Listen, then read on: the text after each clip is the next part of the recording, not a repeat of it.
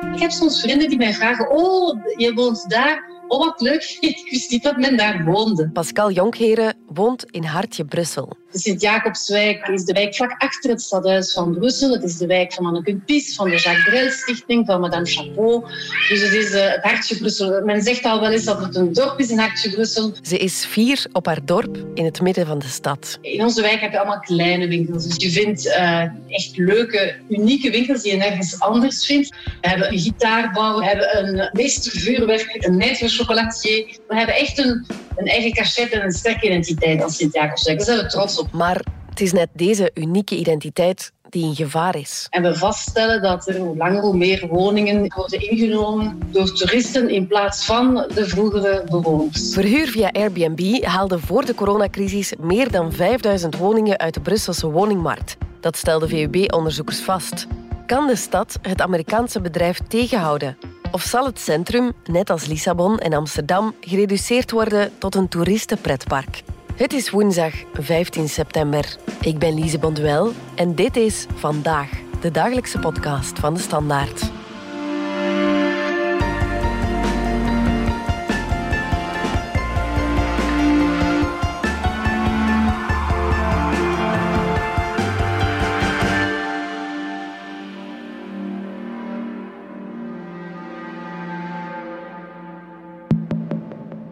Corneel Delbeke van onze economieredactie. Wat is er aan de hand?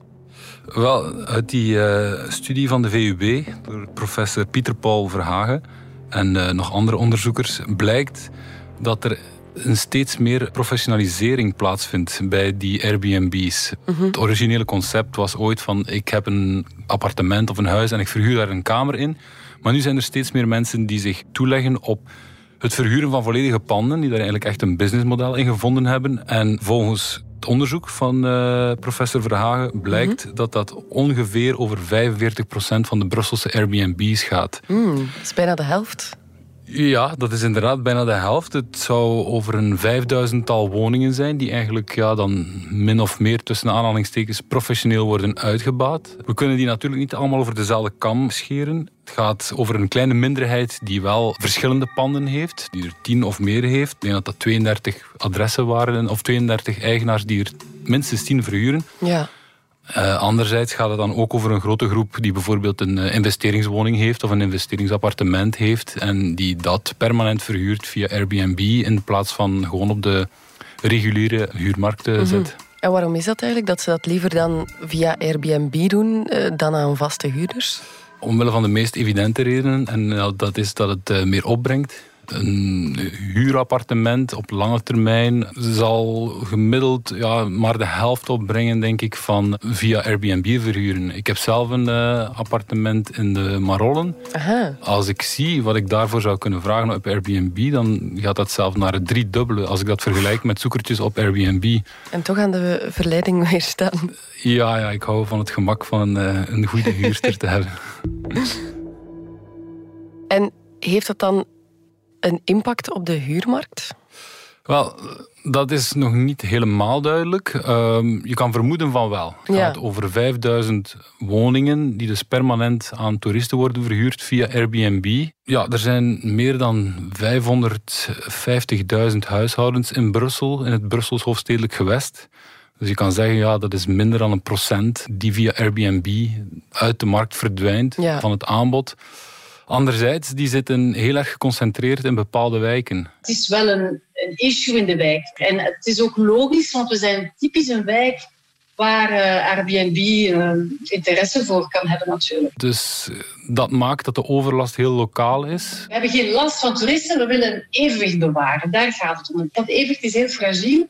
En als iedereen nu massaal begint woningen te verhuren voor toeristen op de Airbnb-markt, dan riskeert dat evenwicht uh, verloren te gaan. Want dan ga je ook een andere, uh, andere winkels zien verschijnen. Misschien minder buurtwinkels. Misschien meer uh, souvenirwinkels of nachtwinkels. Wie zal het zeggen? dus dat, dat is allemaal een heel fragiel evenwicht. Het is belangrijk van dat in stand te houden. Maar dan ook wel dat die lokale prijzen veel harder worden gepusht door die trend het heel moeilijk wordt om een betaalbare woning te vinden, te kopen of uh, te huren. Ja. En dat het moeilijker is om in die bepaalde wijken dan te gaan wonen. Ja, absoluut. En dat zijn natuurlijk de populaire wijken ook. Hè? Want eh, er is niet alleen Airbnb, er zijn bijvoorbeeld ook het fenomeen van co-living, uh, waar uh, mijn collega Pieter van Malen al over geschreven heeft. Dat gaat ook over investeerders die een pand opkopen om daar dan expats in te laten huizen. En ja, al die fenomenen ja, die, die, die drijven natuurlijk de prijzen op, vooral in die drukke buurten of die populaire buurten, het centrum van Brussel, in de Vijfhoek, uh, maar ook in Elsene een beetje. En dan rond de Europese instellingen. Ja. Dus uh, zeker daar is het, ja, het probleem toch wel vrij nijpend. Natuurlijk, ja, je mag het nog niet vergelijken met uh, steden als Lissabon of Barcelona of Amsterdam. Ja. daar kan je duidelijk zien waar het op termijn eventueel toe kan leiden. En daar kan je toch echt wel zeggen dat die prijzen ja, gestegen zijn door Airbnb. Er zijn verschillende onderzoeken gebeurd daarnaar. Onder meer van het eh, Amerikaanse Economic Policy Institute. Die wel degelijk een kausaal verband vinden tussen de opkomst van Airbnb en de gestegen huurprijzen. Ja, ik ben zelf de afgelopen maanden op zoek gegaan naar een nieuw appartement in Brussel. En uh, ja, ik moet wel zeggen, die huurprijzen zijn waanzinnig hoog geworden. De woningkrapte en de krapte op de huurmarkt in verschillende steden is een oud probleem dat al heel lang bestaat. Maar Airbnb of fenomenen als Airbnb versterken dat wel.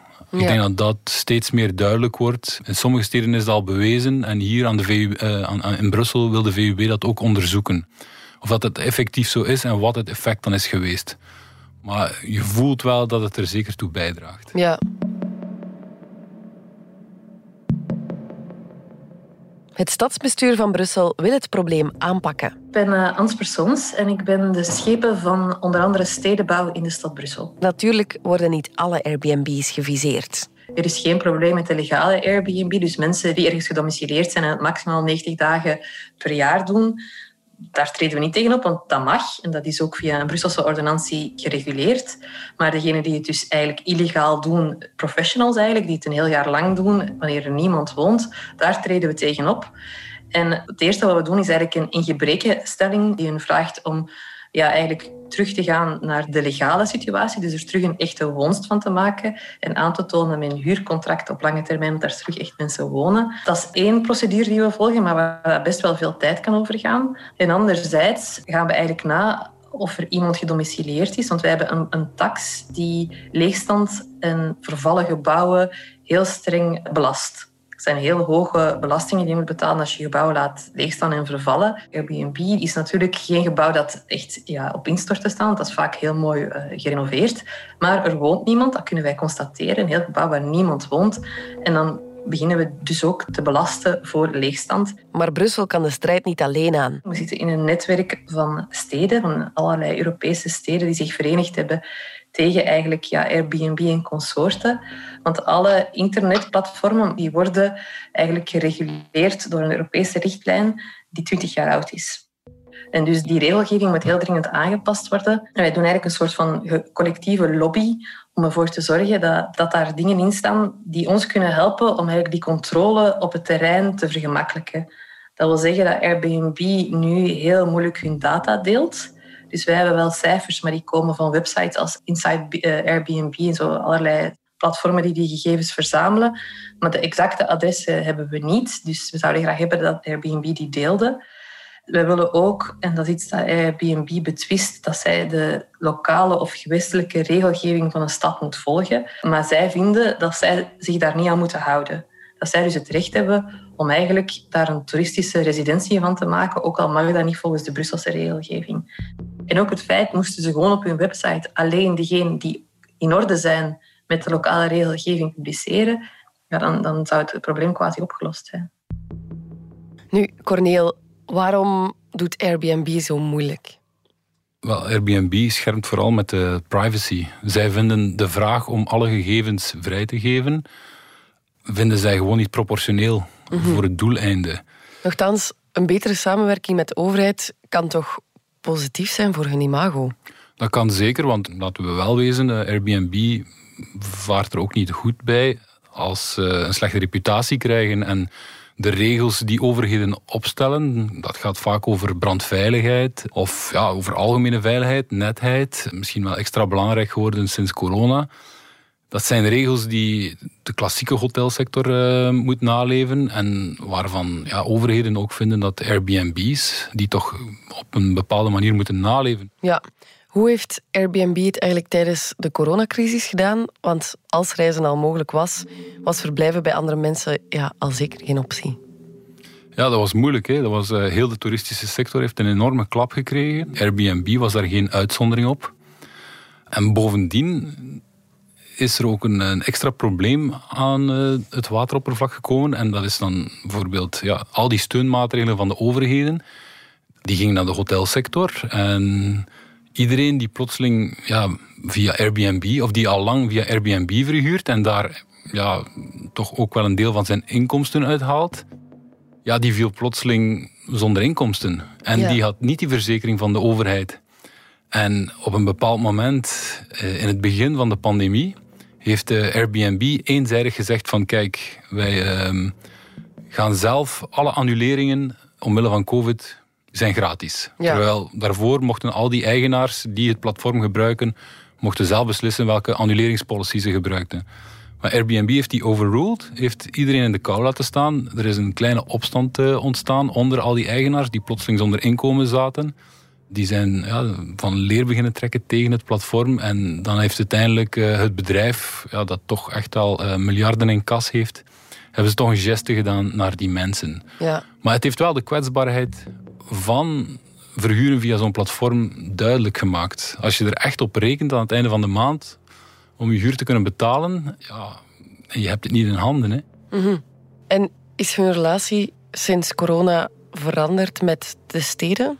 Er zijn toch verschillende steden die, die hebben gebruik gemaakt van die ontgoocheling bij die verhuurders van Airbnb. Die hebben dat ook gezien. Die zagen ook dat uh, plotseling die inkomsten wegvielen. En zij hebben toch steden als Lissabon, uh, maar ook Barcelona, hebben toch de strijd opgevoerd, ook Parijs. En uh, in Lissabon bijvoorbeeld hebben ze een groot overheidsprogramma begonnen om die verhuurders van Airbnb's te overtuigen hun panden gewoon terug op de reguliere huizenmarkt te, te zetten. Ja. En ze hebben daarvoor ook wel wat steun ge gegeven. Natuurlijk, ook dat bleek eigenlijk maar matig succes, moet ik bekennen. Mensen verwachten ook dat het toerisme uiteindelijk al terugkeert. Ja. En dat die, ja, als je nu jezelf ertoe verbindt om drie jaar te verhuren, en het komt binnen een jaar terug, ja, dan kan je misschien toch meer winst maken door even uit te zweten. Ja, ja. Maar Airbnb, die hebben de boodschap ergens wel begrepen en die doen echt wel, ik ga niet zeggen een charme-offensief naar de steden toe. Zeggen dat ze meer gaan samenwerken. Dat verschilt in verschillende steden. Ehm, bijvoorbeeld in Vlaanderen heeft onlangs een akkoord gesloten. En daar moet iemand die zijn woning of een kamer verhuurt via Airbnb, moet ook aan bepaalde regels voldoen. Mhm. En om dat te kunnen controleren, kan Vlaanderen zeggen van ja, wij vermoeden dat er, eh, ik zeg maar iets, in de regio Mechelen een probleem eh, is. Kunnen wij daar heel specifiek enkele adressen krijgen die we zouden willen controleren? Ja. Dus Airbnb heeft nu afgesproken met Vlaanderen dat ze dat tot zes keer per jaar kunnen doen.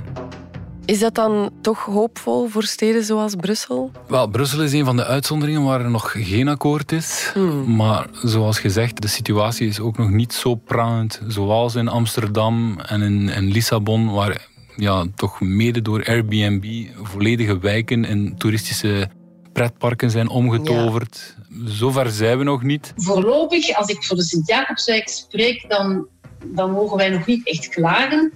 Maar in bepaalde plaatsen van het centrum van Brussel is er wellicht een overaanbod. We willen geen monofunctionele wijk worden. We zouden niet de wijk willen worden waar alleen... Ik heb soms vrienden die mij vragen, oh, je woont daar. Oh, wat leuk. Ik wist niet dat men daar woonde.